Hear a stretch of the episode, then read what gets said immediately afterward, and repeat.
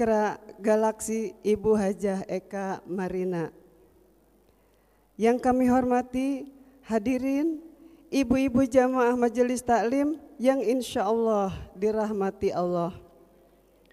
Mari kita panjatkan puji dan syukur kehadirat ilahi Robi yang mana kita masih diberi banyak nikmat di antaranya nikmat sehat sehingga dengan nikmat itu kita dapat berkumpul di sini uh, untuk menghadiri acara uh, komunikasi yang efektif dalam keluarga. Semoga Allah limpah curahkan salawat serta salam kepada junjungan kita Nabi Yuna wa Habibana Muhammad sallallahu alaihi wasallam beserta para keluarga, sahabat sampai kepada kita sebagai umatnya. Semoga kita diberi syafaat di akhir kiamah nanti. Amin, amin ya rabbal alamin. Hadirin yang dirahmati Allah, Baiklah akan saya bacakan susunan acara. Satu pembukaan. Dua sambutan Ketua MTKI Majelis Taklim Azikro Galaksi. Tiga presentasi company profile dari tim Rumah Sakit Omni. Kemudian selanjutnya kajian parenting dengan tema komunikasi yang efektif di dalam keluarga.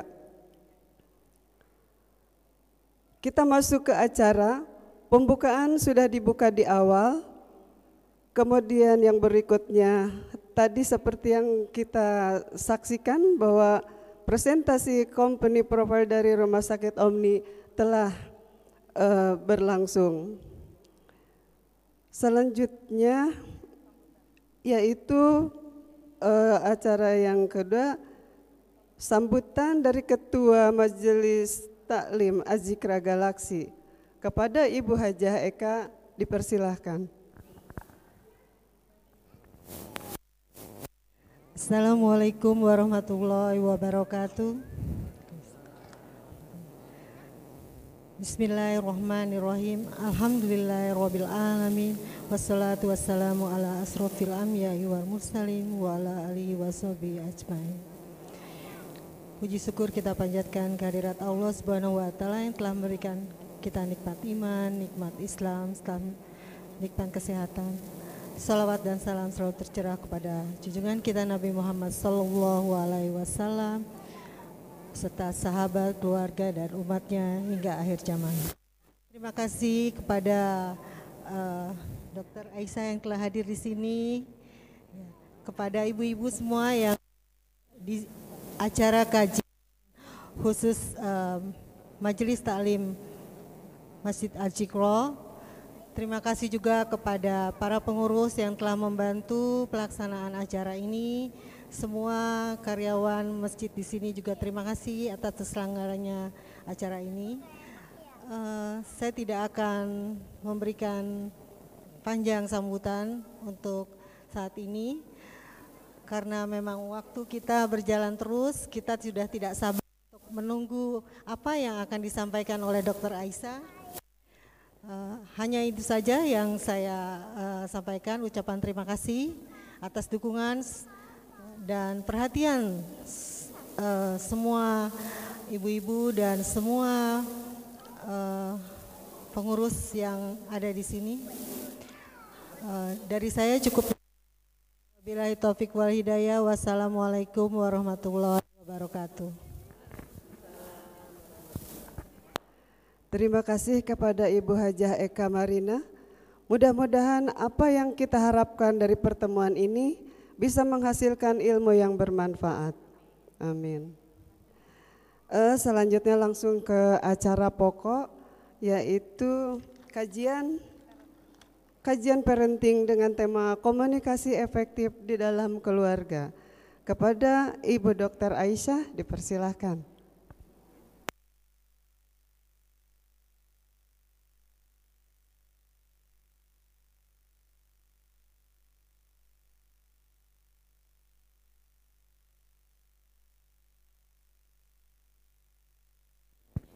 Satu. kayaknya jauh banget ya. Boleh maju ke depan ya? Iya baik. Ya. Auzubillahiminasyaitonirrojim. Bismillahirrahmanirrahim. Assalamualaikum warahmatullahi wabarakatuh. Alhamdulillahirrahmanirrahim. Wassalatu wassalamu ala asyrafil anbiya wa mursalin wa ala alihi wa sahbihi ajmain amma ba'du. Ibu-ibu yang dicintai Allah, apa kabar Bu? Alhamdulillah ya Allah. Ibu Eka, terima kasih ya saya diundang ke sini. Baru masuk terus lihat masjidnya Masya Allah indah sekali ya. Ibu-ibu tinggal sekitar sini? Masya Allah, bersyukur banget ya Bu punya masjid kayak gini ya. Iya. Baik, uh, salam kenal, salam jumpa buat ibu-ibu yang baru pertama kali jumpa atau juga ibu-ibu yang sudah pernah sudah pernah uh, ketemu ada? Siapa yang udah pernah ketemu? Oh, alhamdulillah, alhamdulillah ketemu lagi ya Bu. Ya, ya. Namun uh, saya mohon izin prosedur seminar itu memperkenalkan diri, jadi mohon izin satu menit memperkenalkan diri. Nama saya Aisyah Dahlan, saya sehari-hari itu sebetulnya mengurusi pasien narkoba, HIV dan LGBT ya. Ibu-ibu jangan jadi pasien saya ya. Ya nauzubillah min zalik ya. Tapi kalau ada keluarga yang kena narkoba, HIV dan LGBT, tolong segera dibantu ya boleh hubungi saya atau boleh hubungi siapa pun yang bergerak di bidang ini ya ya Ibu, saya lahir di Jakarta 17 Desember tahun 1968. Jadi usia saya sudah 50 tahun, tahun ini jalan 51 ya. Dan saya anak kedua dari lima bersaudara, itu di samping saya yang kanan itu kakak saya Bu. Tapi beliau meninggal usia tiga tahun karena demam berdarah ya. Ayah saya namanya Bapak Dahlan Hussein, dia asli Bugis Makassar ayah saya ini. Ada orang Bugis di sekitar sini? Biasanya orang Bekasi ada orang Bugis. Oh, oh kali ini nggak ada. Ibu saya Hermina Isa orang Palembang. Ada orang Palembang? Enggak ada juga, ya Allah. Ini orang mana sih? Sunda? Iya, orang Bekasi. Palembang. Oh, wong gitu ya, ya. Baik. Uh, saya dari lahir di Jakarta sampai SMA di Jakarta, terus saya sekolah kedokterannya di Makassar. Setelah selesai di Makassar lanjut ke Jogja, belajar narkobanya di Kuala Lumpur, kemudian saya juga belajar tentang hipnoterapi di Surabaya ya. Dan uh, saya mohon izin juga memperkenalkan suami, Ah, ini suami saya, Dokter Prianto Sismadi. Kalau ini orang Jogja, ada orang Jogja bu? Oh, wah banyak. Kelaten, orang Kelaten? Oh, maju lagi ya? Iya ya, nggak kelihatan ya? Iya, makanya saya maju aja ya. Nah, nah terhalang tembok cinta kita. ya baik. Dan saya mohon izin memperkenalkan putra putri kami. Yang pertama putra kami namanya Mas Lanang. Mas Lanang juga sudah dokter, sekarang uh, tugas di Rumah Sakit Wates. Yang kedua Mas Prio, Mas Prio juga sudah dokter, sekarang tugas di Rumah Sakit Kerawang. Yang ketiga Mas Kakung, ngertos nggih Bu? Artini pun lanang Prio Kakung, Kakung semester 2 juga sekolah kedokteran. Yang keempat Mas Jaler, nah laki-laki juga Bu. Kalau Mas Jaler kelas 10 SMA ya. Satu lagi ya Bu, satu lagi, nah alhamdulillah. ya, cepet-cepet dikasih nama Ragil. Mugi-mugi Ragil tenanan, ya. Langsung tutup insya Allah. Eh belum nih nggak tutup, nggak tutup. Jadi pernah dia minta adik perempuan lagi. Saya bilang kalau bahasa Jawa Ragil artinya apa bu? Ragil? Ragil bungsu, bungsu. Tapi ayahnya bilang nggak apa-apa kalau ada adik perempuan lagi kita kasih nama Mening. Saya bilang apa itu mas? Metu maning katanya. Mening singkatannya gitu ya. Iya, wah alhamdulillah ya Allah Pak dibawain. Ya kalau terlalu jauh nggak enak ya, nggak kelihatan ya. Iya. Ibu yang anaknya lima ada, saya selalu cari teman kalau dalam seminar. Ada ada yang, wah alhamdulillah ada temennya.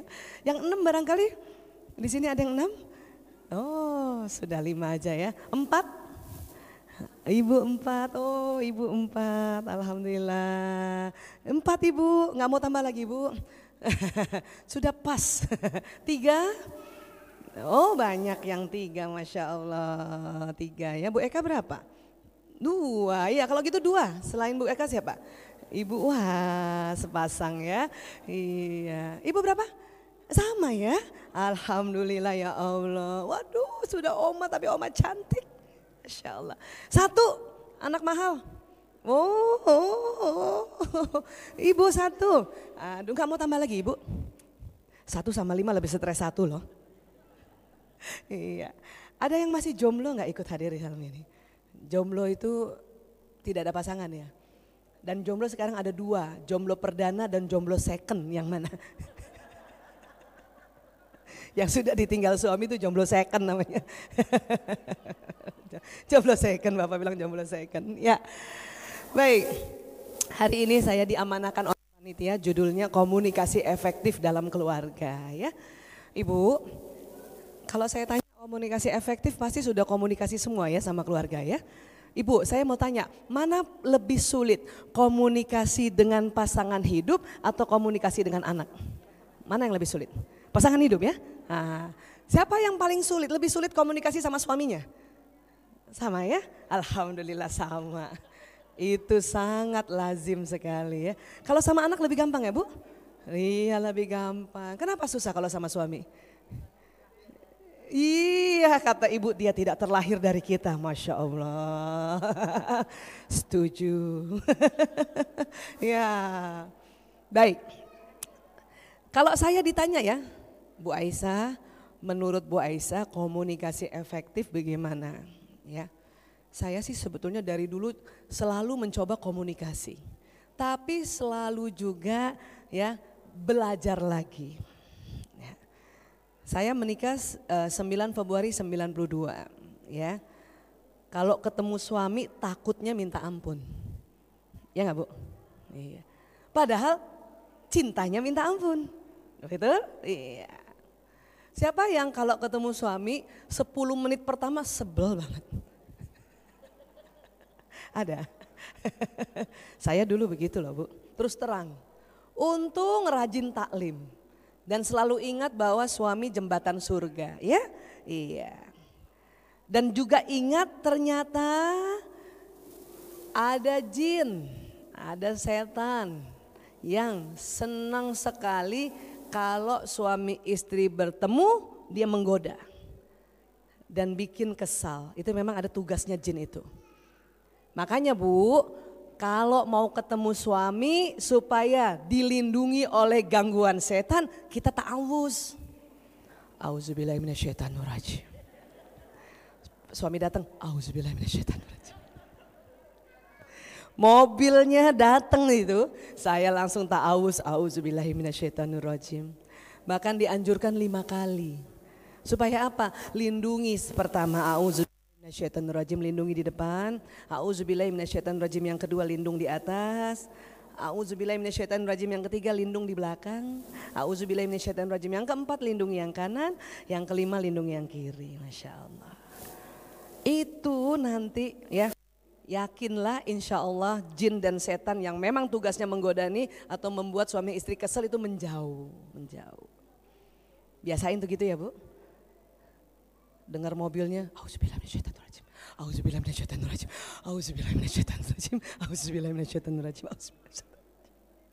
Saya pernah lagi duduk di kursi, nggak dengar suami saya datang karena dengar lagi dengar TV itu. Eh tiba-tiba dia muncul di belakang saya langsung loncat, auzubillahiminasyaitonirrajim. Dia kaget. Kamu kenapa? dia nggak tahu rahasia saya. Paham ya? Ya, nah. Kedua, Komunikasi itu ya selalu dicoba, dicoba, dicoba, dicoba, dicoba. Jadi kalau ditanya yang efektifnya apa, sampai sekarang juga belum tahu. Tapi coba aja terus, ya. Kalau salah ngomong gimana Bu Aisyah? Gampang. Allah ajarkan kita istighfar. Astagfirullahalazim. Astagfirullahalazim. Astagfirullahalazim. Udah gitu aja. Ya. Tetapi Lama kelamaan saya belajar bahwa oh kalau mau bicara yang efektif, ternyata harus kembali fitrah. Tahu dulu kita ngomong sama laki-laki apa perempuan. Kita bicara sama anak laki-laki apa anak perempuan. Siapa yang anaknya laki-laki semua? Bu, angkat tangan Bu. Alhamdulillah. Aduh, gimana Bu punya anak laki Bu? He, anak laki itu luar biasa loh. Nanti kita buka rahasia anak laki ya. Siapa yang anaknya perempuan semua? Masya Allah, ini ahli surga ya. Iya, yang anaknya tiga perempuan semua ada? Ibu, ibu, ibu. Oh, Masya Allah ahli surga nih bu. Yang anaknya dua perempuan semua? Oh, itu juga ahli surga juga. Yang anaknya perempuan satu? Itu juga ahli surga juga. Kata Nabi begitu loh. Ih, kata Nabi begitu. Nggak mudah uh, ya jaga anak perempuan tuh. Tapi sekarang jaga anak laki juga susah bu. Kenapa? Narkoba tuh banyak yang kena laki-laki. Maaf, LGBT banyak yang kena laki-laki. Gay itu banyak yang kena laki-laki. Ya, saya kalau lihat anak laki-laki saya empat, aduh, itu harus kenceng doa bu. Bukan apa-apa, ya di luar sana banyak musuh, ya. Makanya satu ya sering-sering istighfar, ya kemudian ta'awus, kemudian satu lagi sering berdoa. Kok berdoa kenapa Bu Aisyah? Nanti kalau ada waktu sempat kita kasih lihat apa yang terjadi pada saat diri kita berdoa ya. Ya, sekarang mari kita lihat. Bicara sama anak laki-laki menurut kita karena kita perempuan agak sulit ya. Iya. Karena memang otaknya berbeda, ya. Nah, ini otak manusia ya, Bu. Iya. Ini buka yang mana ini kamu? ya, ini otak manusia, ini dari samping kanan, ini otak besar, ini otak kecil, ini batang otak yang jalan di leher, ini sumsum -sum tulang belakang ya. Ini otak dilihat dari atas ya Bu. Tapi ini otak jenazah yang sudah dikeringkan pakai formalin. Nah, kalau otak yang asli ini.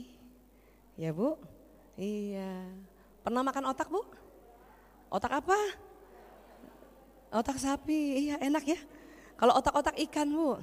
Ya, otak sapi enak ya? Iya. Bu, ini otak ada di kepala kita. Coba pegang dulu kepalanya. Belai-belai dulu, Masya Allah. Ada otaknya enggak Bu? Ada, ada. Hati-hati keluar ya Bu. Ini Allahu Akbar, ini otak manusia. Allah kasih banyak listriknya. Banyak listriknya. Ya. Dan pembangkit tenaga listrik itu air. Coba Ibu lihat, ada air kan di sini ya? Air minum yang kita minum itu 70% ditaruhnya di otak Bu. Untuk apa? Membangkitkan listrik di kepala kita. Kenapa? Karena di otak kita itu Allah sudah kasih ya. Kalau ada masalah jalan keluar tuh ada di otak sebetulnya. Allah sudah kasih. Baik waktu dari kita dalam janin sudah dikasih programnya maupun yang dipelajari sewaktu kita sudah hidup. Ya, sudah ada. Bahkan kalau misalnya kita doa, kemudian Allah kasih petunjuk itu masuk ke otak itu lewat pori-pori otak kita. Itu bisa. Cuman sering tidak terakses, cuman sering penyelesaiannya itu nggak nyala. Kenapa? Kurang listrik. Artinya apa? Kurang air. Jadi ibu kalau sedang banyak pikiran, males makan, harus banyak minum. Setuju ya? Iya. Kenapa? Supaya otaknya ada listriknya. Bu, berapa per hari minum air yang cukup untuk tubuh kita? Berapa bu? Hah? Ya, ilmu gizi yang lama itu 2 liter. Yang terbaru ya, masing-masing hitung ya, berat badan, masing-masing berat badan hitung ya. Perempuan kalau ditanya berat badan suka gimana gitu. Berat badan dibagi 30. Kalau berat badannya 60 kilo dibagi 30 berarti minum airnya 2 liter minimal. Kalau berat badannya 70 kilo kayak saya ya berarti 2 liter lebih. Ya Bu? Masih ada yang beratnya 30 kilo nggak Bu? yang mungil gitu. Nggak usah banyak-banyak minum kalau 30 kilo, seliter aja. Air putih minimal per hari ya. Siapa suka minum teh? Saya juga minum teh. Boleh, tapi habis minum teh satu cangkir diganti satu cangkir air putih di luar yang berat badan dibagi 30 ya. Siapa suka minum kopi? Uh, sama. Kopi apa bu? Yang hitam ya. Boleh minum satu cangkir kopi diganti tiga cangkir air putih. Itu minum kopi yang benar. Kenapa? Karena kopi dan teh itu larutan. Air putih pelarut. Kita kalau di luar negeri minum kopi bu, boleh minta air putih. Bahkan kedai kopi internasional di Indonesia sebetulnya boleh minta air putih. Cuman banyak yang nggak minta dan itu gratis. Ya, karena nggak tahu. Ya, boleh ya bu. Untuk apa air bu? Pembangkit tenaga listrik terutama yang di otak dan gerakan kita. Ya, dan untuk perempuan kulitnya tambah cantik ya. Jadi kalau kulitnya kusam banyak minum aja. Ya. Tapi kalau umur 50 tahun, siapa yang sudah 50 tahun ke atas? Kayak saya. Nah, itu nggak boleh terlalu banyak minum air. Kenapa Bu? Otot kandung kemihnya udah mulai kendor. Dikit-dikit pipis, dikit-dikit pipis kan gitu ya? Iya, iya Bu ya? Iya, jadi minum airnya pas aja nggak usah lebih nggak usah kurang. Berat badan ibu dibagi 30, 2 liter misalnya 60 kilo bagi 2, 30, 2 liter itu berarti dari 6 pagi sampai 6 paginya lagi, ah itulah 2 liter. Ya, ya. Baik sekarang, otak manusia seperti ini ya Bu terbagi dua ya. Ada kanan, ada kiri. Otak kanan mengatur tubuh yang kiri. Bu gerakan tangan kirinya coba begini Bu, tangan kirinya gerakan tangan kirinya. Nah nih, ini yang atur otak kanan Bu. Kaki kiri bisa nggak sambil duduk digerakkan gitu kaki kiri bisa? Nah, itu yang yang atur kanan, ya. Sekarang tangan kanan, tangan kanan. Ini yang atur otak kiri bu, ya. Mata kanan kedipkan sebelah Jawa boleh? Gini dong. itu yang kiri yang ngatur, ya. Jadi otak kiri mengatur tubuh nih dahi kanan sampai kaki kanan yang atur kiri. Dahi kiri sampai kaki kiri yang atur kanan. Kalau ada orang stroke lumpuhnya di kanan, itu dokter langsung kalau lihat gambar otak langsung lihat kiri, nggak lihat kanan. Paham ya? Saraf yang keluar dari batang otak itu jalannya miring bu. Kiri ke kanan, kanan ke kiri. Makanya jangan heran ada celah-celahan dasar otaknya miring. Pernah dengar begitu? Selama ini kalau kita diginiin marah kan? Mulai sekarang kalau ada yang bilang gini bilang betul. Karena aslinya begitu. Karena kalau kanan ke kanan, kiri ke kiri, jalan kita begini Bu. Ibu mau jalan begitu? Tidak satu-satu? Nah, kasih tahu anak-anak, nak, kalau ada yang bully kamu, bilangin otakmu miring, itu bilang betul. Karena aslinya begitu. Saya dulu heran waktu belajar anatomi di uh, kedokteran semester 2, loh kok Allah bikin saraf ini miring ya? Oh, baru saya ketawa, oh iya ya berarti benar. Kalau dibilang otaknya miring, nggak boleh marah ya. Iya, baik. Sekarang, ya. Ah, bukan yang ini Mas Rudi. Laisa zakaru kal unsa itu yang yang terbaru aja, otak pria wanita yang terbaru, ya. Jadi Allah sudah bilang dalam Al-Qur'an ya, tidak sama laki-laki dan perempuan. Ya, Ali Imran ayat 36. Ini ini sepenggal ayat ini sepenggal ayat. Tapi ditelitinya luar biasa. Di luar negeri diteliti oleh para ilmuwan, walaupun mereka bukan muslim. Ya. Cuman mereka heran kenapa ya laki-laki perempuan kok uh, berbeda kelaminnya, berbeda wajahnya, berbeda bentuk tubuhnya, ternyata otaknya juga berbeda. Ini dokter nih Bu, dokter Luan Brizendin, ini penelitiannya di Amerika. Ini suami istri nih, Mr. Alan dan Barbara Peace, ini suami istri, ini penelitiannya di London. Jauh tuh, satu di Eropa, satu di Amerika. Kenapa Mr. Alan dan Barbara Pace mau meneliti? Karena mereka ini sudah sekitar 27 tahun menikah. Mereka merasakan begini, kalau tiga hari pisah dengan suami istri, rindu banget. Tapi kalau ketemu nggak ada 10 menit, berantem. Nah itu tadi saya bilang tuh. Makanya dia bilang, ayo saya teliti otak laki-laki, kamu teliti otak perempuan. Gitu ya. Ini juga dokter Luan Brizendin dia meneliti. Yang diteliti sama yaitu otak manusia ya. Tadi ini kita udah lihat otak kita. Pakai apa alat penelitiannya? Pakai ini. Ini namanya functional MRI. Dulu kenapa ilmu otak tidak berkembang atau belum berkembang pesat kayak sekarang? Karena dulu kalau mau meneliti otak manusia, orangnya harus meninggal dulu. Baru diambil otaknya. Sekarang karena ada alat seperti ini, orang hidup pun bisa diteliti otaknya. Di situlah dilihat bahwa oh laki-laki perempuan beda.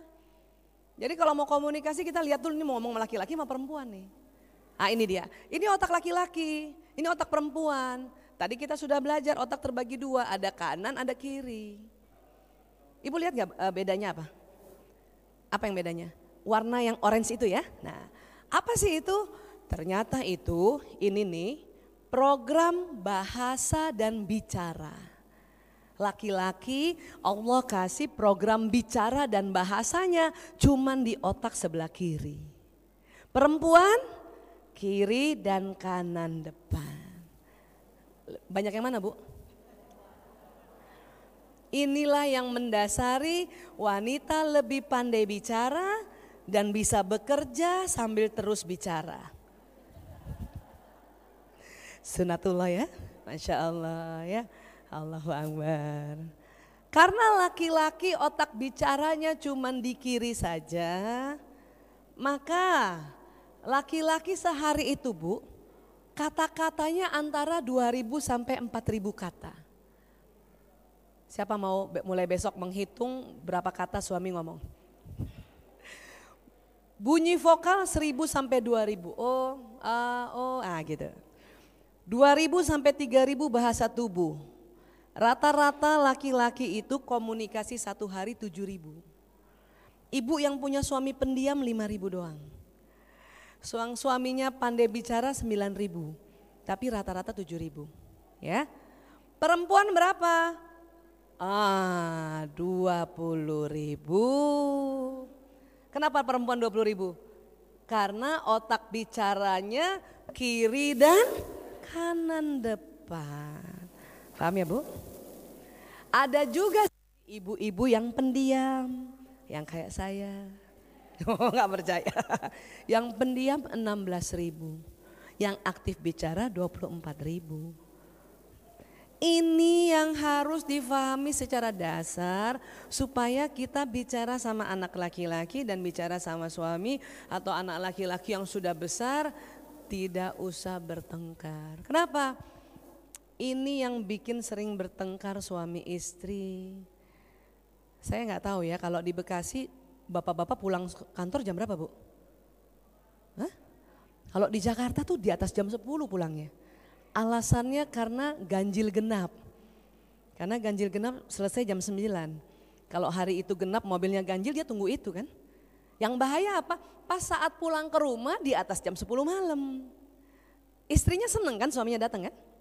Assalamualaikum, Waalaikumsalam. Terus istrinya bahagia banget mau cerita hari itu apa yang dia lakukan kan. Eh ayah, ayah aku tadi pergi ke masjid Al-Zikro, ih keren banget.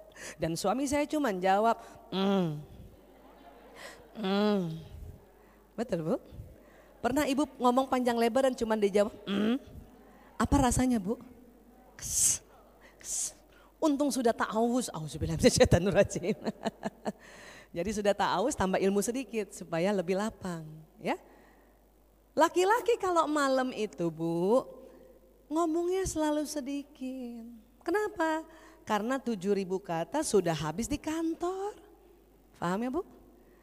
Apalagi yang suaminya guru. Guru laki-laki sama guru perempuan siang hari masih bisa ngomong karena siang hari. Tapi malam hari Pak Guru sudah diam, Bu Guru masih ngomong. Karena 20 ribu kata. Paham Ibu ya? Siapa yang ist, uh, suaminya pendakwah? Suaminya ustadz? Istri-istri ustadz kalau nggak belajar ilmu ini sakit kepala juga. Apalagi kalau suaminya satu hari itu tiga kali pendakwah, tiga kali ceramah. Sampai rumah habis tujuh ribunya itu. Istrinya bingung. Terus biasanya perempuan suka nesu kan.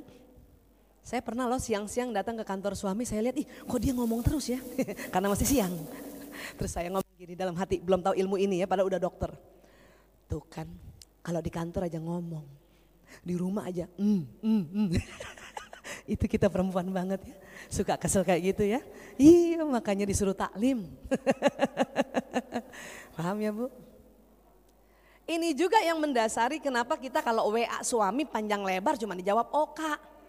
Dijawab iya, iya gitu doang. Itu makanya tadi saya bilang siapa yang kita hadapi lebih susah suami kan. WA panjang lebar. Kalau siang begini, saya biasanya kalau mau seminar, mau mau ceramah gini, minta izin suami. Karena masih siang, 7000 kata masih ada. Dia jawabnya masih banyak. Mas, mohon doanya ya, saya mau mulai seminar. Dia jawab, baik. Dal- Bawahnya lagi, jaga kesehatan. Itu tuh agak banyak. Jam 8 malam WA jawab oka doang. Jam 10 malam WA dijawab begini doang. Jam setengah 12 saya kan baru pulang dari Surabaya ya. Saya habis sampai Surabaya WA suami malam setengah 12 malam. Eh dia baca doang nggak dijawab. Padahal status online.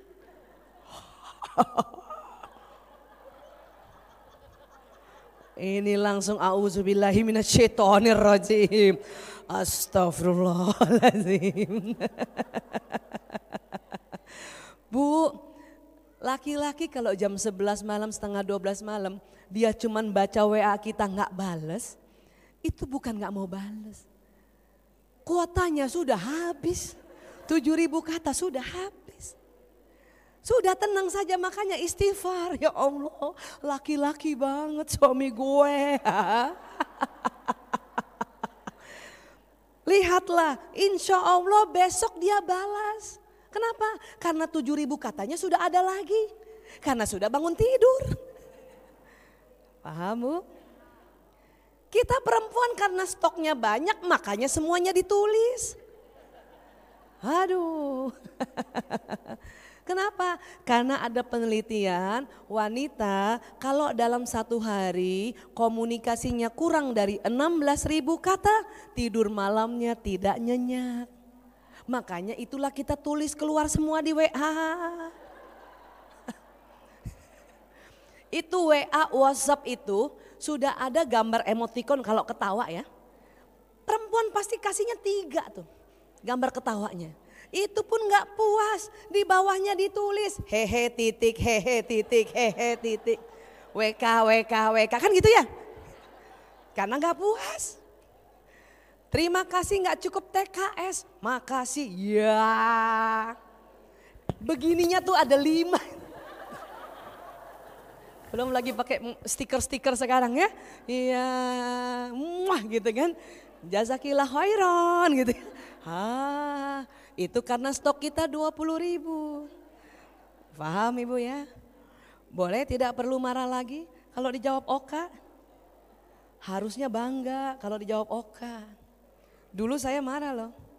Kalau jawab oka belum ada ilmunya dulu. Tuh kan dia udah gak sayang lagi sama aku. Sekarang sudah ada ilmunya dijawab Oka bangga banget ya Allah laki-laki banget. Anak saya tanya kenapa bu? Oka doang. Ini kalau nggak ada ilmunya kesel lo gara-gara itu. Terus mau diapain bu? Mau diganti suaminya? Percuma. Sama juga. Pasti oka juga. Paham? Makanya bu, minimal seminggu sekali idealnya jalan sama suami di siang hari. Supaya kita dengar tujuh ribu katanya itu. Bisa ibu? Kalau seminggu sekali nggak bisa, sebulan sekali. Bisa? Jalan siang-siang sama suami? Kalau nggak bisa, sabar tunggu suami pensiun. Insya Allah tujuh ribu kata buat ibu semua. Ibu siapa yang sudah ada yang pensiun suaminya? Iya, tujuh ribu kata sudah buat ibu semua? Nah, makanya kadang kalau kita pensiun kita kaget. Kenapa bawel? Sebenarnya nggak bawel. Dulu tujuh ribu kata buat di kantor. Sekarang buat ibu. Karena nggak biasa pusing kita. Paham ya?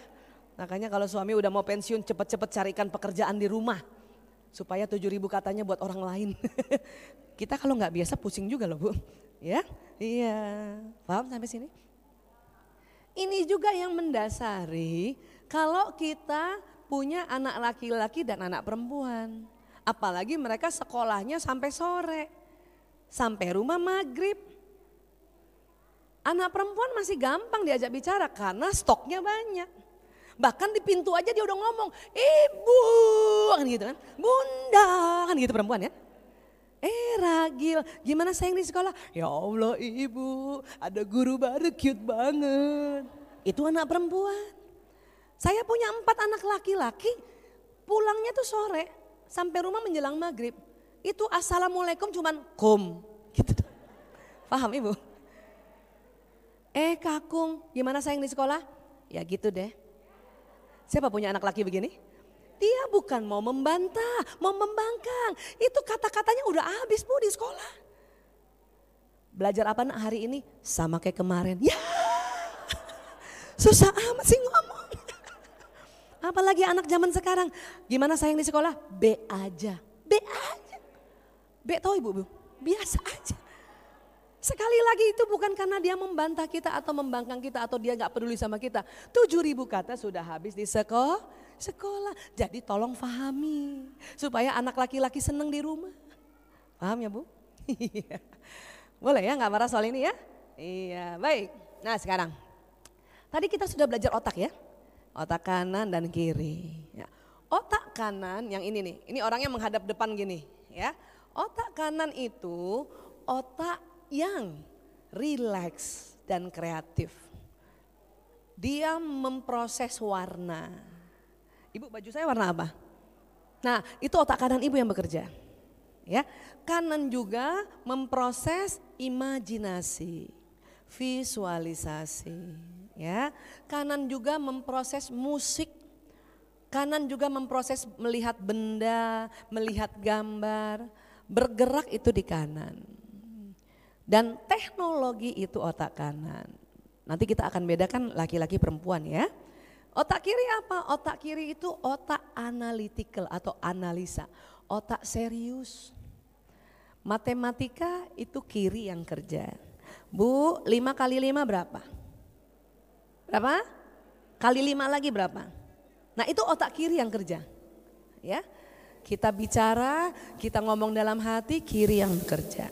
Ya. Otak kiri juga otak teratur, teratur. Detail otak kiri. Paham ya? Syair lagu kiri, syairnya, musiknya kanan. Makanya kalau kita mengajarkan anak-anak ngaji dengan irama itu cepat sekali diingat. Kenapa? Karena hurufnya Quran itu kiri, bahkan huruf Quran itu karena bentuknya dinamis itu kanan juga. Ya, musiknya atau iramanya kanan. Sama, menghafalkan lagu kenapa lebih gampang? Karena kalau kita menghafalkan lagu kiri kanannya bekerja, ya. Ibu, mana yang ibu lebih hafal? Pembukaan Undang-Undang 45 atau balonku ada lima? Karena kalau kita lagu itu kiri kanan yang bekerja, ya. Ya. Ibu, kalau ini otak kiri, kelihatan kayak apa, Bu? Serius banget ya. Yang kanan apa? Rileks banget ya. Nah, manusia itu bisa serius, bisa rileks. Kenapa? Karena kita punya otak dua-duanya. Paham ya? Nah, tetapi waktu kecil perkembangannya berbeda. Apa maksudnya Bu Aisyah? Gini. Oh ini keputus di atas ya. Otak anak perempuan berkembang lebih cepat dari otak kiri anak laki-laki. Jadi siapa yang punya anak perempuan? Kirinya, coba pegang otak kirinya. Otak kiri anak perempuan berkembang lebih cepat dari otak kiri anak laki-laki. Kiri apa tadi? Matematika, membaca, bahasa, teratur, syair lagu. Makanya anak perempuan mampu bicara lebih awal dan lebih baik dibanding dengan anak laki-laki. Anak perempuan mampu membaca lebih awal. Kalau laki-laki bagaimana? Ayo tolong bantu. Mas Rudi? Nah, eh, kepotong ya. Anak laki-laki otak kanannya yang berkembang lebih cepat daripada kanannya perempuan. Kanan apa tadi Bu? Santai, rileks, warna, imajinasi, khayal, gerak, benda, teknologi. Kanannya laki-laki lebih cepat dibanding kanannya perempuan. Ya. Kirinya laki-laki gimana kirinya laki-laki? Kirinya laki-laki itu ya itu jauh lebih ya lamban berkembang dibanding perempuan. Minta tolong uh, gambarnya ya. Ya, bantu dari sana aja deh, sini kayaknya nggak bisa. Ya. Nih ya kita lihat ya Bu. Apa sih Bu Aisyah? Itu apa otaknya yang besar segala? Bukan, di dalamnya. Sambungan saraf tali-tali kabelnya. Perempuan kiri kanan seimbang sambungan talinya. Laki-laki kanannya lebih cepat dibanding kanannya perempuan. Kirinya laki-laki lebih lamban disambungnya. Maka jangan heran anak perempuan umur tiga tahun sudah bisa diajak bicara. Kamu pakai baju apa? Aku mau pakai baju pink. Anak laki umur tiga tahun ngapain? Hmm, karena otak kanan, otak imajinasi, otak musik. Ngomong belum bisa, hmm, karena otak musik. Ngomong cuma dikit, din din gitu doang. Maka jangan heran anak laki habis nonton Batman pulang jadi Batman. Habis nonton Avenger pulang jadi Avenger. Habis nonton Spider-Man pulang jadi Spider-Man. Karena otak kanannya. Paham ibu? Siapa yang punya anak laki-laki, dia belum bisa baca tapi sudah bisa main PlayStation. Itu laki-laki. Karena otak teknologi. Paham ya bu? Umur berapa? 0 sampai 6 tahun. Kalau anak perempuan umur 3-4 tahun diajar membaca, duduk manis, dikasih kertas, bisa. Ibu, bu, ibu. Beobo, al-ala, bola. Bisa. Laki nggak bisa bu. Laki-laki mending ibu beli bolanya. Baru tempel tulisan bola di situ. Kenapa? Otak kanan. Nanti dia hafal tulisannya. Dulu karena saya punya anak empat laki, semua rumah saya tempelin bu. Meja, kursi. Bahkan supaya anak laki-laki saya tahu tulisan IBU, saya bikin besar-besar ibu, saya tempel di dada dan punggung saya nih. Dua hari jalan dia udah hafal tuh. Uh, tulisan ibu kayak gitu. Itu anak laki. Ya bu, maka kalau kita punya anak laki harus kreatif. Ajarkan laki sambil dia loncat-loncat lebih bagus. Kenapa? Otak kanannya. Paham ya Bu? Kapan mulai anak laki otak kirinya berkembang? Umur 6 tahun. Makanya anak laki baru 6 tahun siap belajar membaca dan hitung-hitungan. Makanya sekolah SD persyaratan masuk 7 tahun itu menyelamatkan anak laki-laki dengan kurikulum yang susah itu. Terus terang itu kurikulum susah itu. Itu kurikulum itu semua pakai otak kiri, analisa. Anak laki itu langsung putus asa bu. Makanya kalau bangunin sekolah anak laki jangan, nah bangun nanti ada pelajaran matematika. Ah itu salah. Pasti tidak bangun nak bangun. Apa? Nanti kita mau jalan-jalan. Yeah. Siapa punya anak laki waktu TK kalau diajak jalan-jalan atau sedang studi tour langsung bangun. Jam 5 sudah bangun. Karena sesuai otaknya. Sesuai otaknya. Bangun nak. Ini yang SD nih, waktu saya anak saya masih SD. Bangun nak. Nanti ada pelajaran membuat game online. Uh bangun dia langsung. Pokoknya bangun aja dulu. Pergi sekolah aja dulu ya. Sampai saya tuh mengusahakan sama uh, sahabat-sahabatnya suami saya karena mereka pembuat game untuk ada ekskul games ke sekolah. Supaya anak saya lah tuh bangun karena mau ada ekskul game. Ya, itu anak laki-laki. Paham ya Bu? Tapi laki-laki jago teknologi. Siapa yang anaknya laki-laki waktu SD nggak pernah ranking satu? Cocok deh. Itu lazim. Karena yang dianggap ranking satu di sekolah itu matematikanya bagus, bahasanya bagus, teratur, datang teratur ya nyanyi syairnya bagus. Itu perempuan semua yang jago.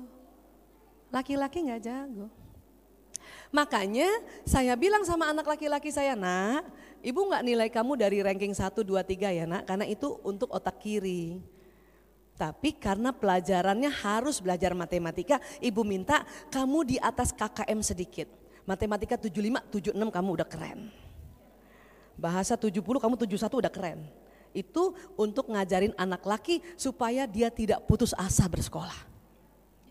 Tapi kamu punya komputer harus A, Al-Quran harus A, futsal harus A, basket harus A, bahkan ekskul game online harus A. Oh gampang bu kalau itu.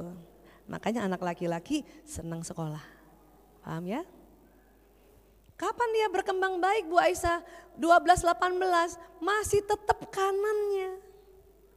Tapi kirinya sudah lumayan, makanya SMP sudah bisa belajar analisa, SMA udah bisa lah kalau dikasih kasih tahu sedikit lah. Tapi kanannya masih terus, luar biasa kanannya. Kapan otak kiri kanannya laki-laki seimbang? Setelah umur 18 tahun. Siapa punya anak laki masih SD? Ya sabar sampai dia mahasiswa ya. Kalau ibu menilai ranking satunya matematika. Oke. Tapi kalau dari kecil kita menilai ini anak laki, ini anak laki nanti loncat-loncat tuh. Itu tuh laki banget tuh. Laki banget tuh, anak siapa tuh? laki banget ya udah loncat-loncat, itu otak kanan itu. Otak kanan. Paham ya? Laki-laki gambar-gambar itu otak kanan juga. Paham ya? Iya. Supaya apa? Supaya kita kalau punya anak laki dan cucu laki, ibu nggak bertanduk. Ibu punya cucu laki umur tiga tahun disuruh duduk manis. itu paling tiga menit sampai lima menit. Habis itu dia loncat, loncat, loncat, loncat, loncat, loncat. Makanya kalau jadi guru TK itu harus paham, ini anak laki, ini anak perempuan. Bahkan sekolah bagus di Amerika, mulai TK itu dipisah bu, laki sendiri, perempuan sendiri. Laki-laki, anak laki yang ngajar guru laki, jangan guru perempuan. Sakit kepala. Ngadapin anak laki.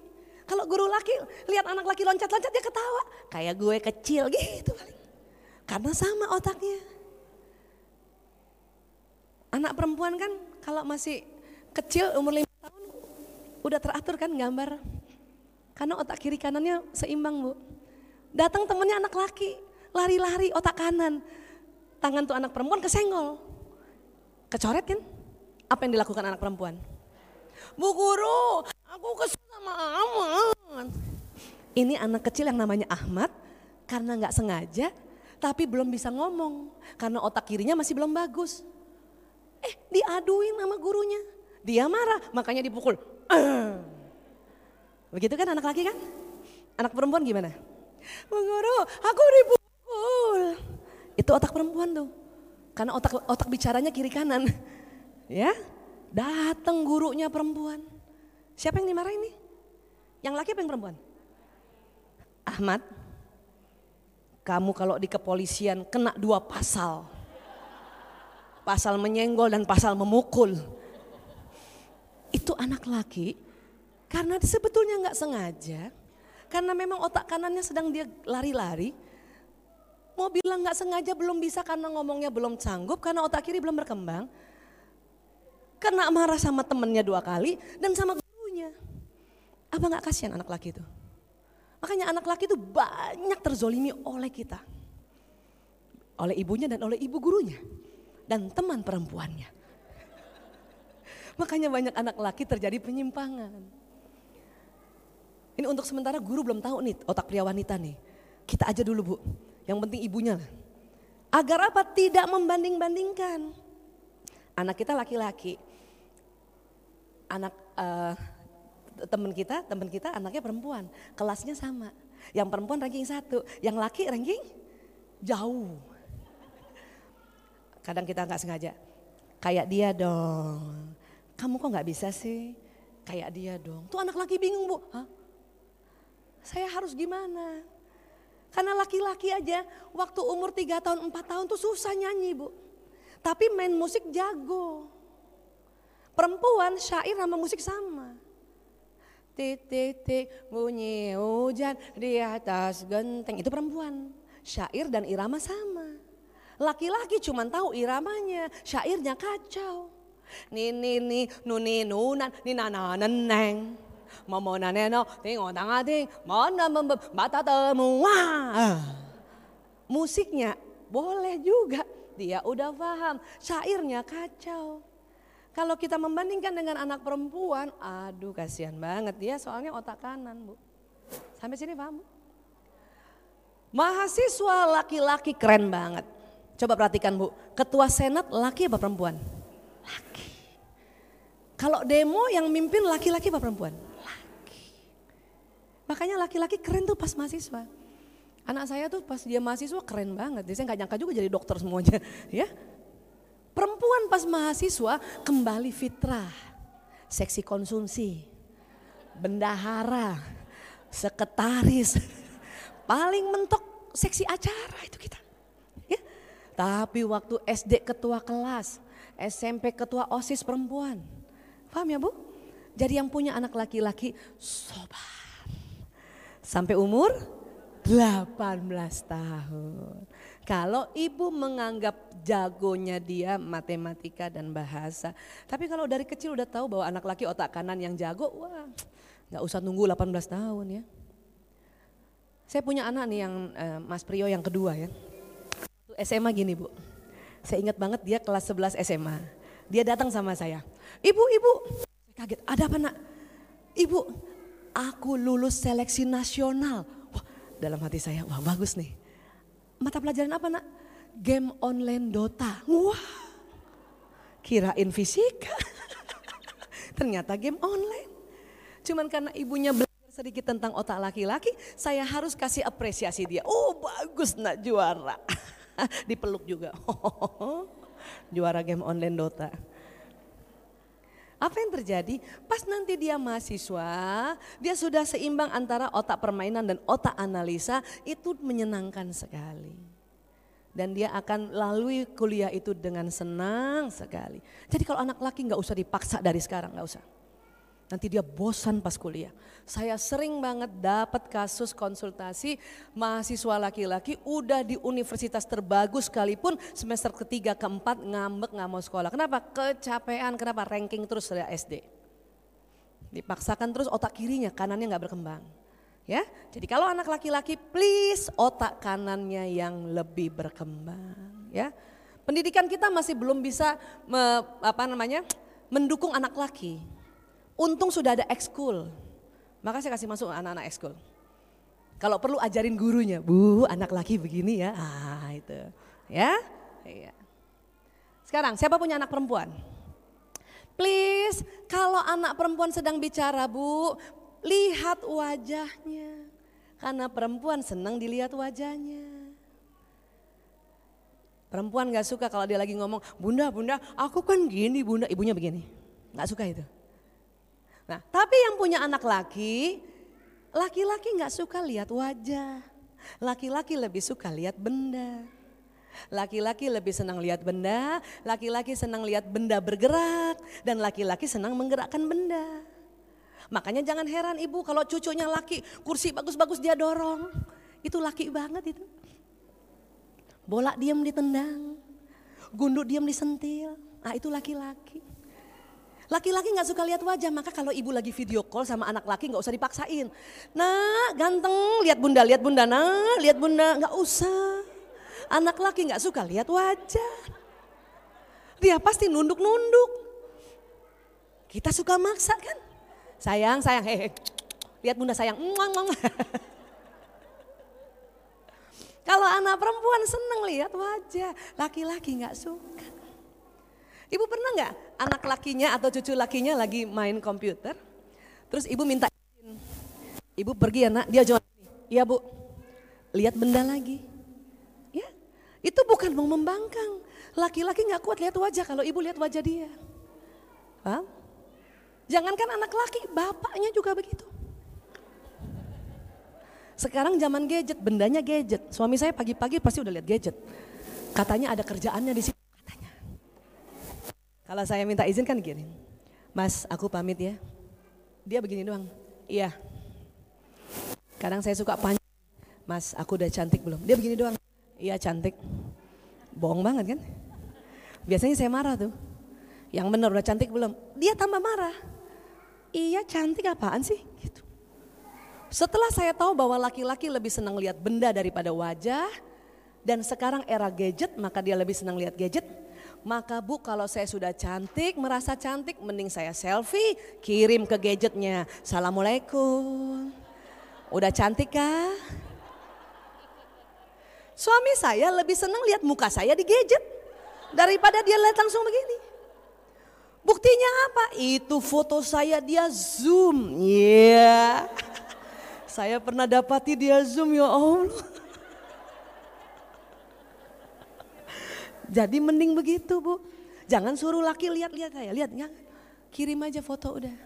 Pasti dia zoom. Walaupun sebentar. Iya. gitu. Sekarang ada program edit muka saya diedit bu. Pipinya dikasih tirus-tirus dikit matanya bulat dikit. Itu galeri foto suami saya, itu muka saya nggak asli kayak gini tuh. Semua editan. Ada foto saya ya, saya tahu dia ambil waktu saya di pesawat dia foto. Dia edit apa bu dieditnya bu? Hidung saya dikasih kapas. Tagline-nya jasad istriku. Ya Allah, itulah laki-laki seneng begitu. Yang penting kita paham, nggak usah marah. Kalau dulu marah saya pasti dulu tersinggung itu. Ya, nggak apa-apa laki-laki kayak gitu. Setuju ya?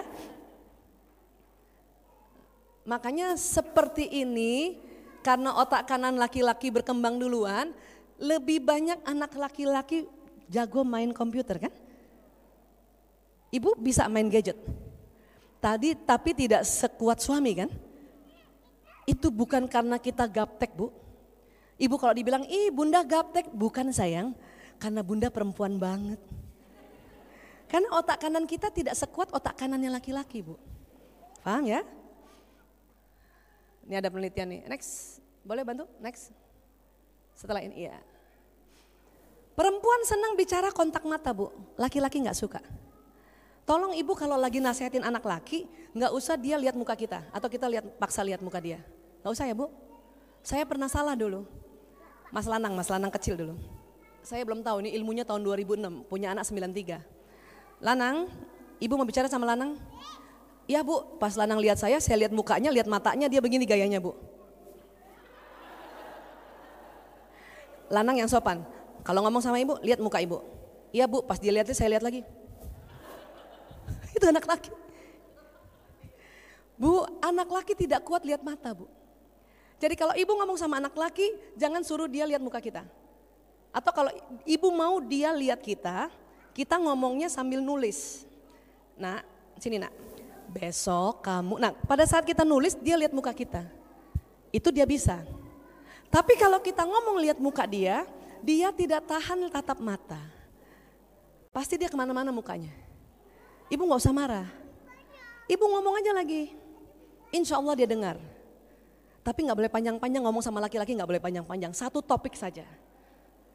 Bapaknya aja nggak ngerti kalau kita ngomong panjang-panjang.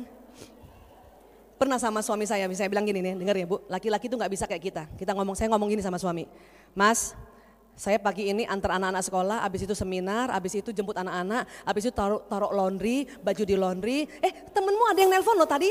Apa kata suami saya? Tukang laundry telepon saya. Itu laki-laki. Dia tidak bisa lebih satu topik laki-laki. Ibu kalau ngomong sama suami jangan banyak-banyak topik ya, dia nggak ngerti itu. Sama anak laki juga gitu. Nah, main komputernya hari Sabtu Ahad aja ya, masing-masing tiga jam. Udah cukup. Ya bu? Ngerti nak? Iya bu. Udah cukup, dia pasti ngerti.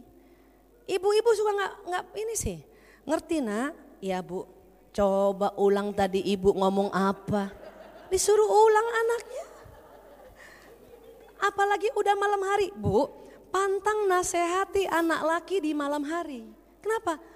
Tujuh ribu kata udah habis. Dia ngerti tapi nggak bisa ngomong bu. Nanti kita marah. Ngerti nggak? Ngerti nggak? Ngerti nggak? Ya. Tuh anak laki bingung, mukanya begini. Hah? Dimarahin lagi sama ibunya. Itulah makanya nggak efektif kalau nggak ngerti otak. Paham ya Bu? Lagi, sudut mata. Ini berkali-kali kalau di seminar saya harus kasih tahu nih. Sudut mata perempuan itu Bu, kalau kita lihat ke depan, kan kiri masih bisa lihat, betul Bu? Eh, coba sekarang, tangannya gini Bu, tangan kanannya coba angkat, angkat. Agak ke atas angkat, sejajar mata. Sekarang saya minta mata ibu lihat jari tengah. Sudah? Nah, matanya tetap jari tengah, lihat jari tengah. Lewat sudut mata ibu, apakah masih bisa lihat teman yang duduk paling kanan? Masih bisa lihat? Masih bisa lihat teman yang duduk paling kiri? Masih bisa lihat? Walaupun mata ke jari tengah masih bisa lihat. Laki-laki nggak bisa kayak gitu. Ya. Tapi jangan juga sampai rumah, abi abi gini deh, gini deh, ya usah. Ini sudah penelitian. Nanti anak nanti laki-laki tersinggung soalnya. Bu, laki-laki itu matanya sempit sudutnya tapi panjang ke depan. Paham ya? Terkadang ini suka bertengkar kita. Suami saya ya, kalau bawa mobil suka marah sama saya. Kenapa? Pas dia bawa mobil, dia ngomong gini. Tuh dia tuh masjidnya udah kelihatan. Saya begini, mana sih? Wah, karena perempuan pendek. Paham ya Bu?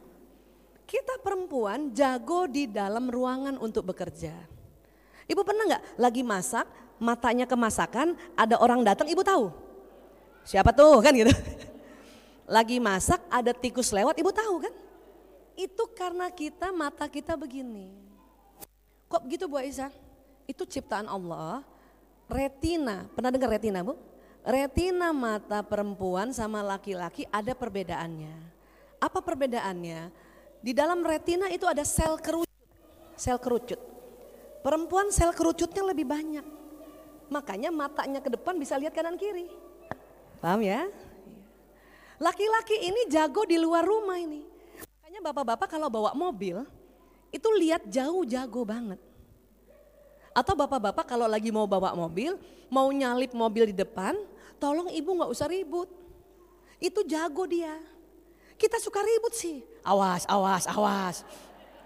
Lihat kanan kiri, lihat kanan kiri, awas, awas ya.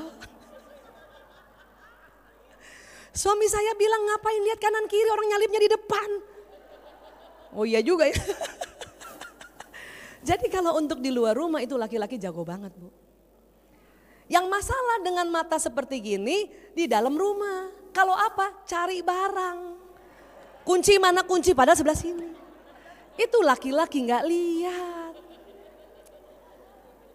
Dan marah-marah. Dompet saya mana dompet saya di sini? Padahal di situ. Bayangin ibu saya empat anak laki itu kalau pagi-pagi dulu berangkat sekolah cari seragam. Dia lihatnya lurus digantung di sini. Ibu celana aku mana? Padahal digantung di sini.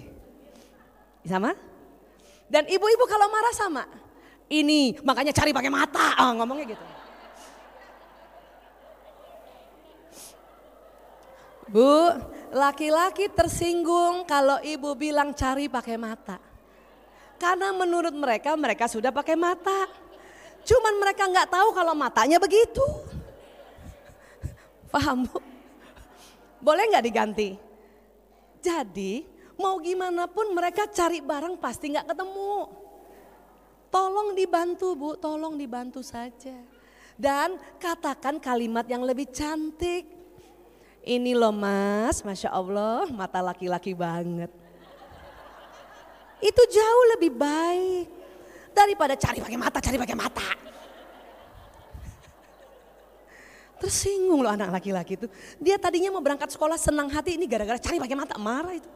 Kesel itu. Paham ya bu? Orang suami saya aja nih buka buka kulkas. Telur mana telur? Ya. Telur di mana bu telur? Di sini nggak lihat. Karena matanya lurus. Saya suka bilang ini loh mas. Apa dia bilang kok ada? Emang ada. Apa nggak gedek kalau nggak kalau nggak paham ilmu ini kan? Makanya saya sekarang telur saya taruh di depan separoh. Telur, mentega, keju, susu di depan. Supaya anak laki begini, lah nyari gampang. Paham ya bu? Ini juga yang mendasari kalau lagi janjian sama suami di luar rumah. Mas, mas, di mall nih. Aku di depan KFC ya, ya. Penungguin, eh pas dia lihat. Mas, mas, mas, nggak lihat. Karena dia jalannya lurus. Dia jalan lurus gitu. Istrinya di samping dia nggak lihat.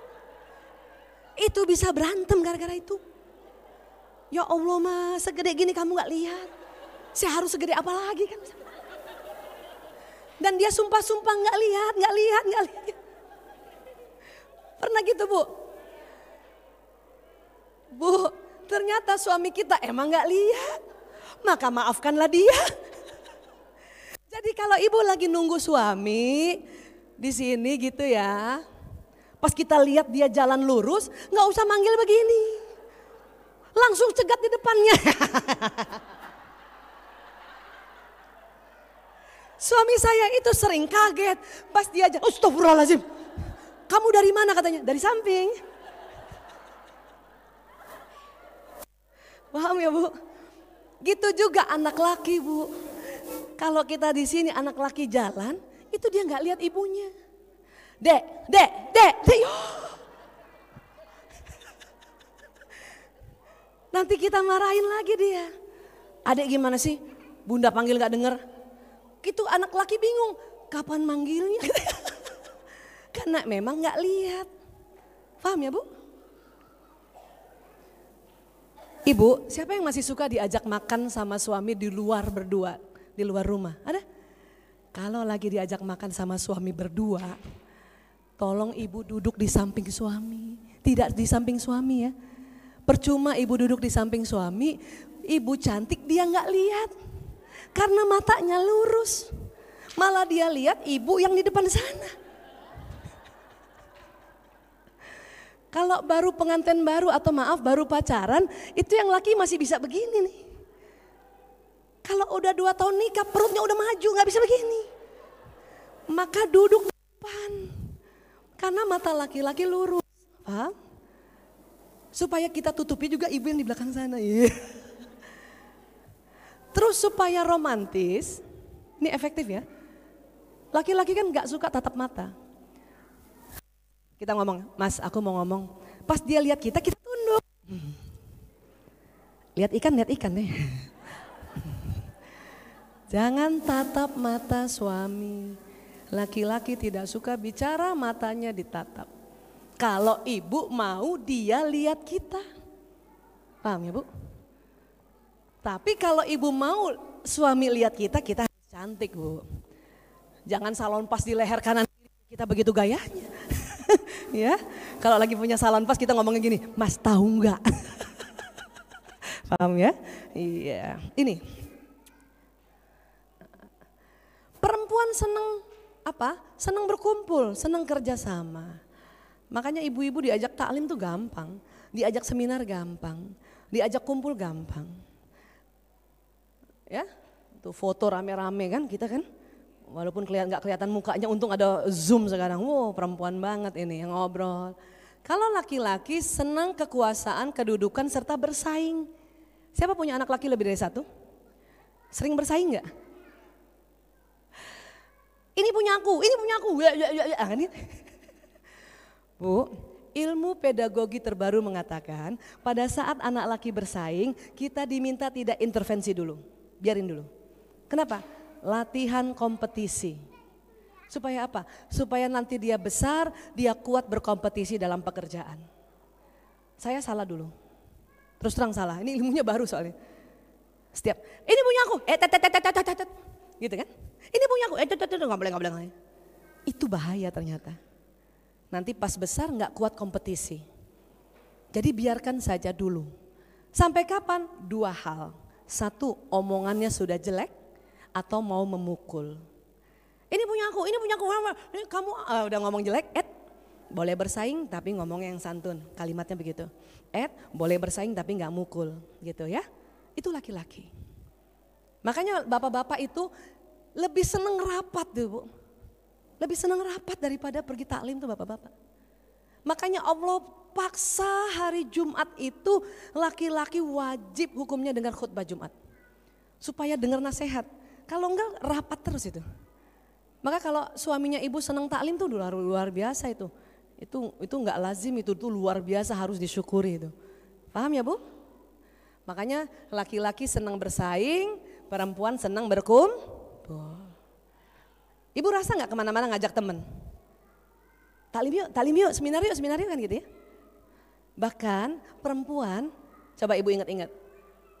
Ke toilet aja ngajak temennya pipis yuk, pipis yuk gitu. Toilet yuk, toilet yuk kan gitu. Dan itu lazim perempuan ke toilet berdua bertiga. Tapi nggak ada bapak-bapak ajak temannya, Pak pipis yuk nggak ada itu. Kalau sampai ada tuh pasien saya itu LGBT itu. Orang lagi rapat, ibu-ibu masih bisa kamar mandi yuk. Baik bu kami antar kayak gitu. Nggak ada bapak-bapak, Pak, pipis yuk. Kalau sampai ada kayak gitu tuh bapak samping yang ngomongnya Pak, yuk. itu pasien saya itu. Paham ya Bu? Kita perempuan udahlah ke kamar mandi bareng-bareng, kadang bisa punya teman baru di kamar mandi, betul Bu? Saking lamanya nunggu kan. Pertama sok jaim dulu. Pas masuk, ibu sebelahnya juga. Tinggal di mana bu? Iya. Laki-laki nggak begitu, karena laki-laki bersaing. Nggak ada bapak-bapak sambil pipis, mari pak. Nggak ada. Makanya tempat buang air kecil pria tidak usah pakai bilik. Mereka nggak saling lihat itu, karena matanya lurus. Kita perempuan udah pakai bilik aja masih ngomong. Tungguin aku ya Jeng. perempuan banget. Paham ya Bu ya? Masya Allah. Ya, jadi nggak heran ya Bu. Nah ini lagi, ini otak dibelah ya. Otak dibelah. Ini ada yang putih melengkung ini Bu. Di tengah otak. Bentuknya kayak gini nih. Nah ini, it's, di tengah otak ini. Di tengahnya ini ya, jadi pas dibelah ada otak, ini ada korpus kolosum. Apa bu? Korpus kolosum, apa? Korpus kolosum. Ini mohon maaf bahasanya harus bahasa medis ya, supaya universal. Korpus kolosum ini yang menghubungkan otak kanan dan kiri. Perempuan lebih tebal bu, korpus kolosumnya 30 persen. Ini tulisannya nggak bagus nih, nanti diganti nih Mas Rudi, ini warnanya hijau nggak kelihatan. Korpus kalosum perempuan lebih tebal, penelitiannya di California. Karena lebih tebal, maka perempuan mampu mengerjakan ya lebih dari satu pekerjaan yang berbeda dalam satu waktu. Betul Bu? Pernah ibu masak? Suapin anak? Balas WA? Kakinya ngepel begini? Pantat ditutup lemari pernah? Ah, kita banget tuh Bu, Masya Allah. Ini nggak bakal keselak anaknya nih Bu, nggak bakal. Kenapa? Mata perempuan lebar, kemudian otak tengahnya tebal. Maka nggak keselak tuh Bu. Jangan suruh bapak-bapak begini Bu, nggak bisa. Bapak-bapak itu sudahlah matanya lurus, korpus kolosumnya lebih tipis. Kenapa lebih tipis? Karena lebih tipis, maka laki-laki itu Bu, kalau dia mengerjakan sesuatu di depannya, setelah 10 menit itu dia konsentrasi lihat ke depan dan pendengarannya menurun. Makanya laki-laki hanya dapat melakukan satu pekerjaan dalam satu waktu, Bu. Paham ya, Bu? Ini sering terjadi ketika pria membaca koran atau nonton TV dan pegang gadget, ia tidak dapat mendengar apa yang wanita katakan padanya. Betul Bu? Siapa punya anak laki yang sedang main PlayStation, nonton TV atau main mobil-mobilan? Ibu panggil berapa kali baru dia nengok? Itu bukan mereka mau ya sengaja tidak peduli, bukan Bu. Mereka sedang konsentrasi, pendengarannya memang menurun. Paham ya? Banyak anak laki-laki bilang sama saya, Bu Aisyah saya heran bundaku kalau manggil marah. Saya bilang sama dia, nak bundamu yang wajahnya cantik waktu panggilan pertama dan kedua. Karena kamu nggak nengok, bundamu marah. Paham ya? Suami-suami juga begitu, saya heran ya kenapa perempuan kalau manggil melotot. Pak, panggilan istri bapak yang mukanya cantik itu panggilan pertama dan kedua. Ya nggak bu? Mas? Mas, Mas. Pas muka kita gitu dia nengok. Makanya laki-laki heran. Paham ya Bu? Boleh diganti nggak? Supaya kalau pas laki-laki nengok atau anak laki nengok muka kita masih cantik. Mau diganti Bu? Oke, gimana caranya? Pertahankan senyum sampai panggilan kelima. Mas, mas, mas, halo, mas. Pas nengok kita masih cantik. Bisa begitu? kalau enggak anak laki sama suami merasa kita kalau manggil marah. Atau ibu tidak usah teriak-teriak panggil laki-laki, anak laki maupun suami. Colek saja. Tapi ingat colekan pertama dia nggak rasa karena sedang konsentrasi. Colekan kedua. Ha, begitu dia. Paham ya Bu? Saya senang cerita ini karena ini jarang sekali orang mau ceritakan. Dan berantemnya gara-gara ini. Ya Bu. Saya saja tahu ini tahun 2006 masih suka salah manggil suami loh. Dia duduk di sini nih, duduk sini nih dia. Saya dari dapur, masih suka salah tuh. Teriak-teriak panggil dia. Mas, mas, oh, oh iya otaknya tipis. Mas, nah, untung ingat. Kalau enggak bisa marah kayak dulu. Paham ya Bu?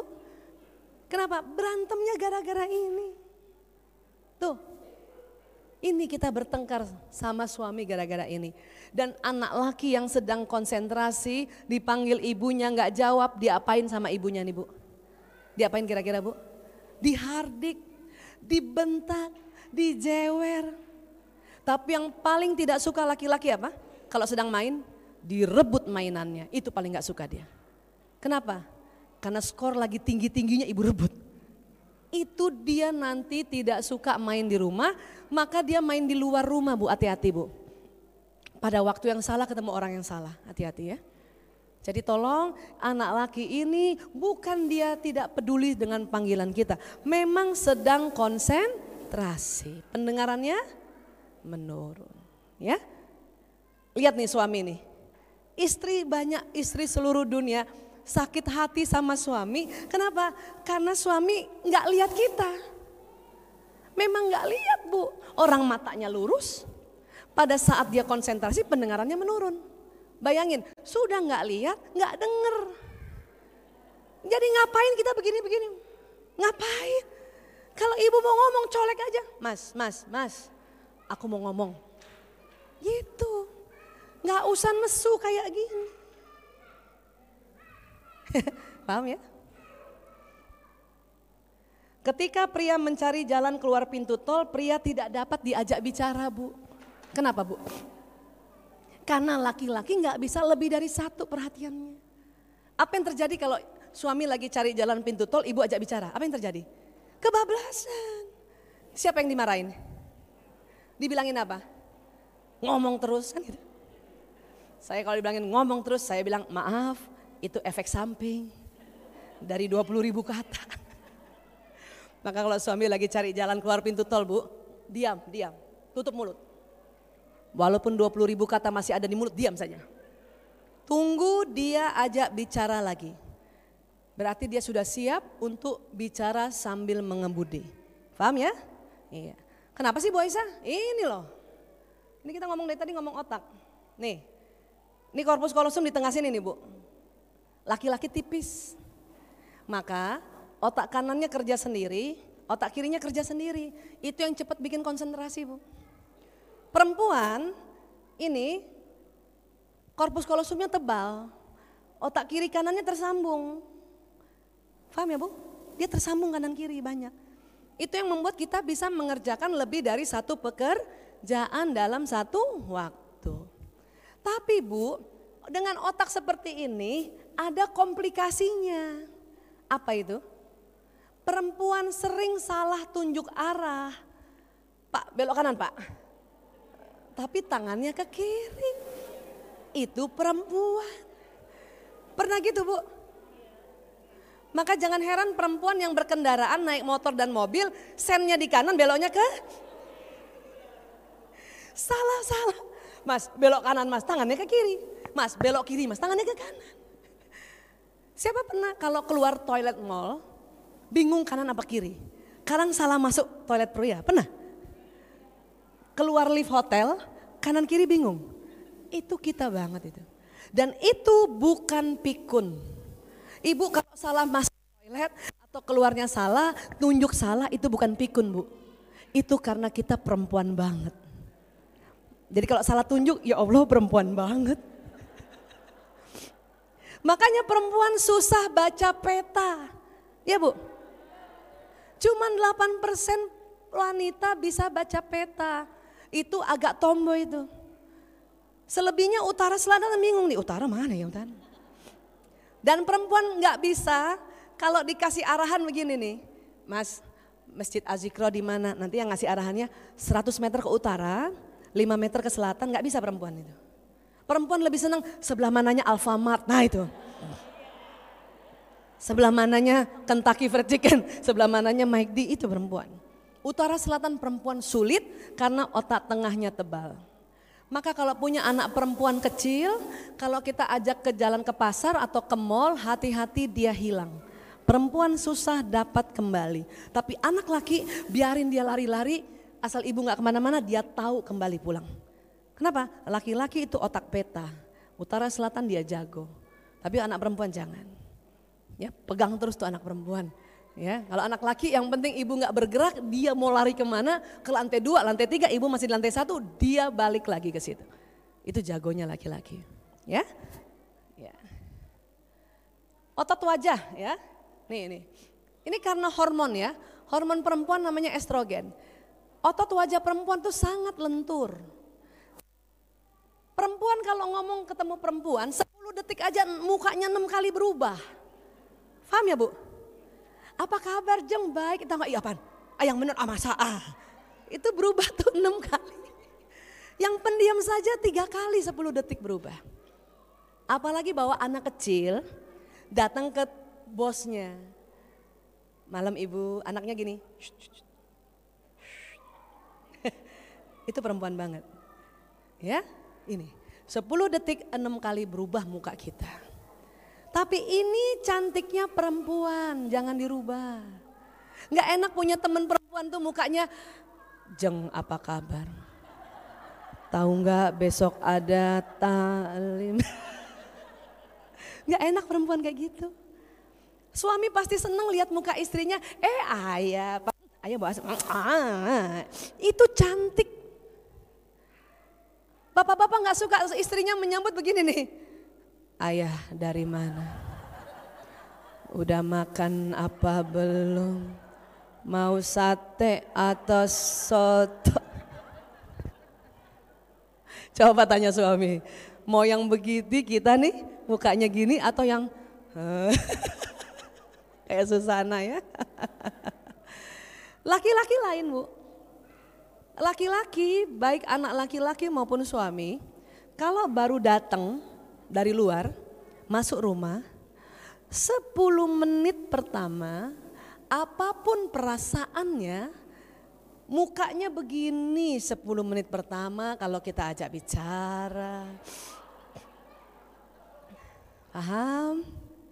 Ini yang tadi saya bilang kita suka bertengkar di 10 menit pertama. Apalagi nggak tahu dan nggak punya ilmu. Eh ayah, Assalamualaikum, Waalaikumsalam. Kita senyum sama suami, ibu maunya apa? Dibalas senyum ya?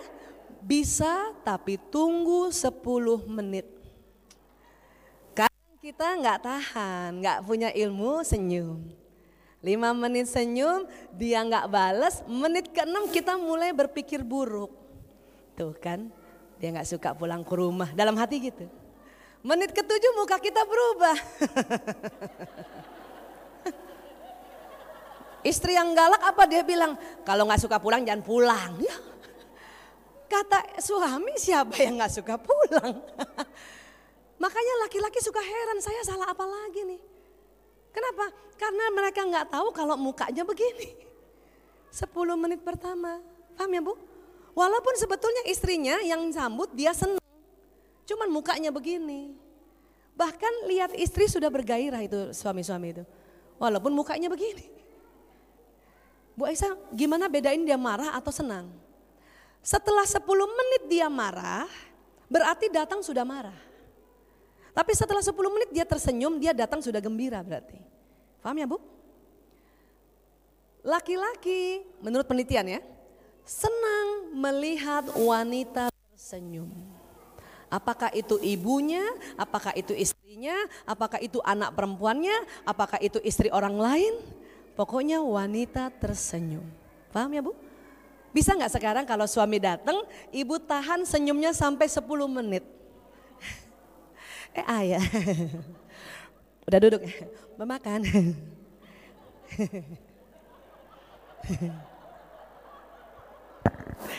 Pas lihat jam ya Allah masih empat menit lagi. Lama banget sih. Karena laki-laki senang lihat wanita tersenyum bu. Daripada dia sering lihat sekretaris yang senyum kita jarang. Maka kita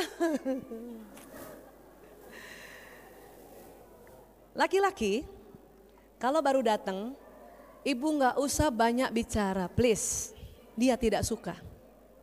Assalamualaikum. Waalaikumsalam. Ibu sambut tidak usah lebih 10 kata. Alhamdulillah ayah sudah pulang. Cukup, cium tangan. Udah diam.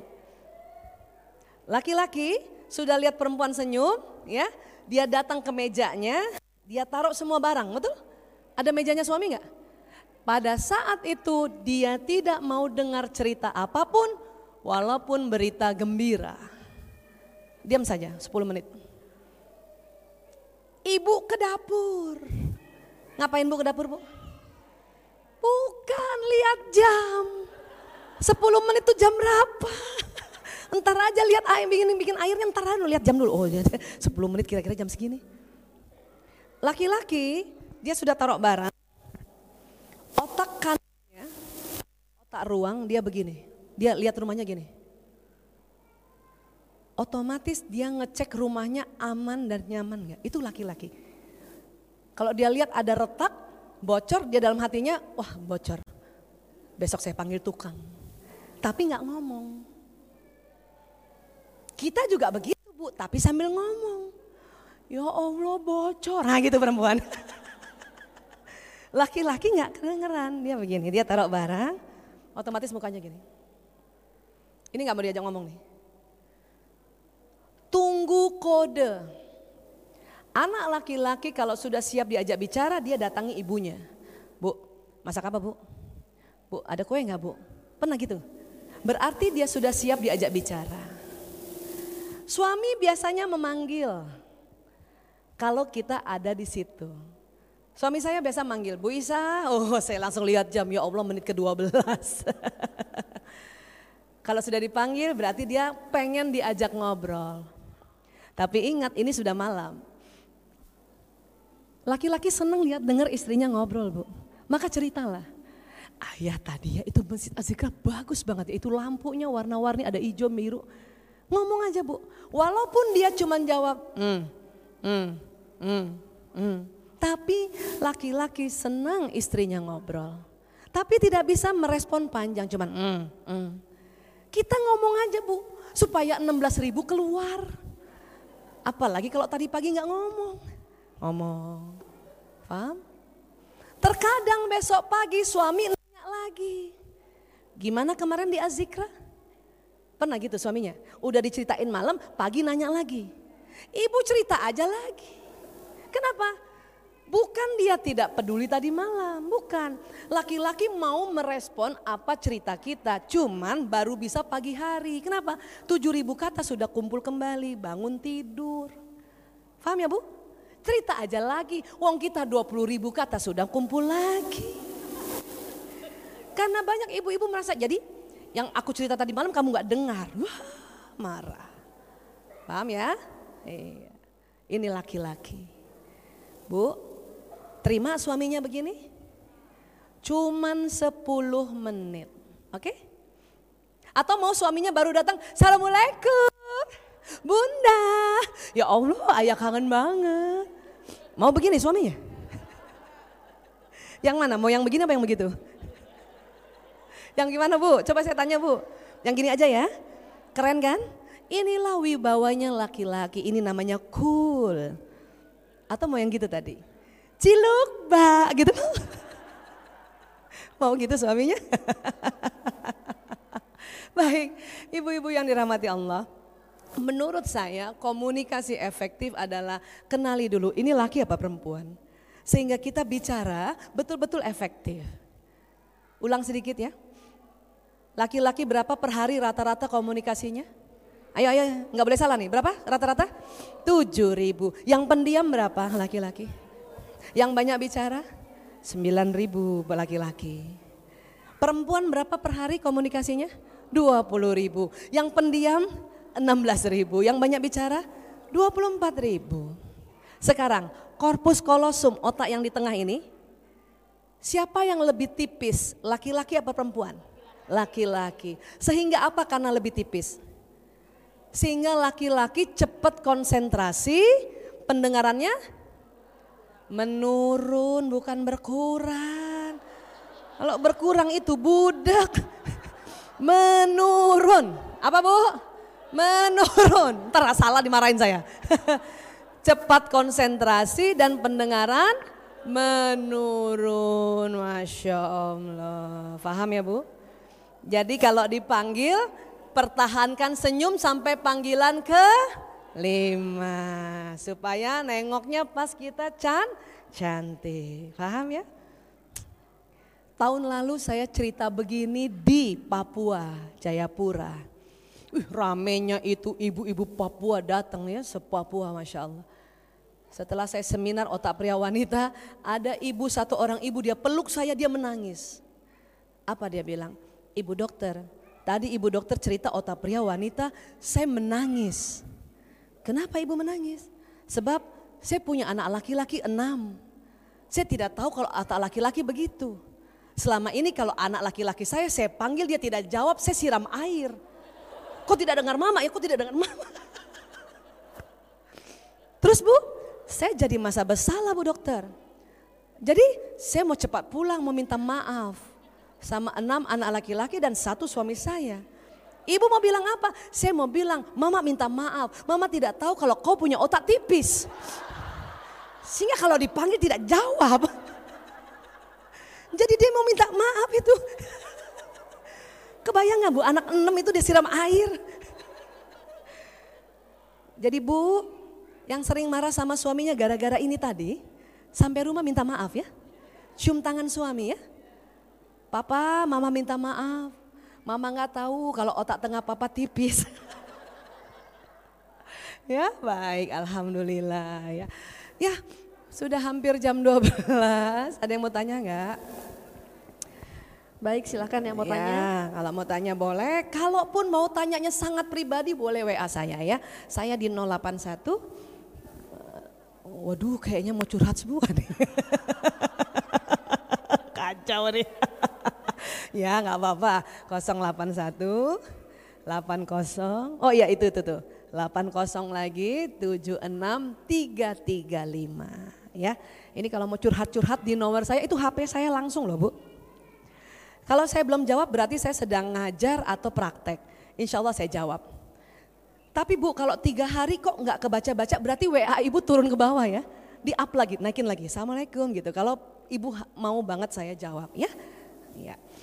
Karena setiap hari saya ada 30 WA datang 30 sampai 50 jadi kadang-kadang duh ke bawah.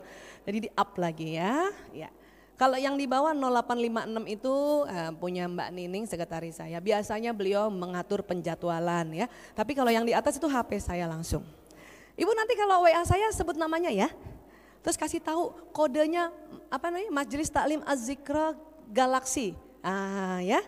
Kalau perlu kirim foto biar saya ingat semuanya wajahnya ibu yang mana ini. Boleh ya? Iya. Baik. Karena sudah hampir zuhur, biasanya kita Eh, siap-siap uh, ya. Ada ini masjid besar. Saya mohon maaf lahir batin. Insya Allah Ramadan kita berkah ya Bu. Ya, ingat ya otak pria wanita ya. Jadi insya Allah tidak lagi marah-marah sama suami gara-gara dijawab oka. Ya, laki banget. Baik, terima kasih. Wabillahi taufik wal hidayah. Assalamualaikum warahmatullahi wabarakatuh. Waalaikumsalam warahmatullahi wabarakatuh. Terima kasih kepada Dr. Aisyah Dahlan yang sudah memberi bekal kepada kita sebagai ibu yang cukup dominan di dalam keluarga agar komunikasi berjalan dengan baik dan menghasilkan komunikasi yang berkualitas. Hadirin jamaah majelis taklim, alhamdulillah seluruh rangkaian acara telah selesai. Mari kita tutup dengan membaca hamdalah dan doa kafaratul majlis. Subhanallah Allahumma wa bihamdika asyhadu alla ilaha illa anta astaghfiruka wa atubu ilaih. Baik, eh, ibu-ibu selanjutnya kita foto bersama dengan Ibu dokter Aisyah Dahlan, boleh? Silahkan. Perempuan banget ya Bu ya. Uh, mungkin koreo Di mana ya Mas Pendi ya fotonya?